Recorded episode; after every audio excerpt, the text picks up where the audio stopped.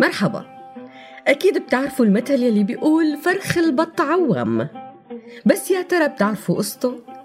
أنا رح خبركن ياها هالمثل بينقال لما الواحد بيشبه أبوه بصفاته وبينقال بعدة روايات.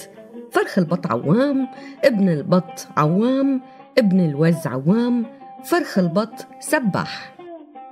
وبالنسبة لقصة المقولة لقينا بالمصادر روايتين. الرواية الأولى بتقول إنه كان في بطة عند صاحب متجنة باضت بيضتين وماتت بعدها دغري فصاحب المتجنة أخذ البيضتين وحطهم بين بيض الدجاج مشان يقعد عليه الدجاج مع البيض اللي بايضه. وبالفعل قعدت الدجاجات على البيض وفقسوا بعد أيام وطلعوا بطتين جداد. هالبطتين ربيوا مع الدجاجات كأنهم من نفس النوع. بس بيوم من الأيام قربوا الدجاجات والفراخ تبعاتهم من بركة مي. لكن رجعوا وما نزلوا فيها. أما البطات فنطوا بالمي وصاروا يسبحوا مع أنه بحياتهم ما تدربوا على السباحة. انتبه صاحب المتجنة على اللي صار وقال فرخ البط عوام. ومشيت هالمقولة على لسان الناس.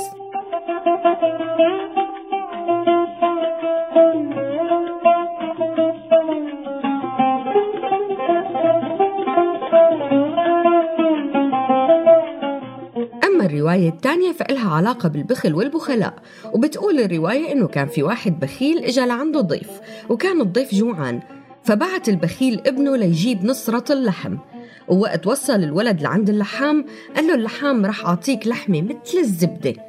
فأجت للولد فكرة إنه ليش ما يجيب زبدة بدل اللحمة ويوفر مصاري؟ وحمل حاله ورح يشتري زبدة بدل اللحمة.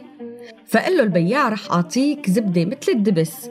ففكر الولد وقرر يروح يشتري دبس بدل الزبدة. ووقت وصل عند البياع قال له عندي دبس صافي مثل المي.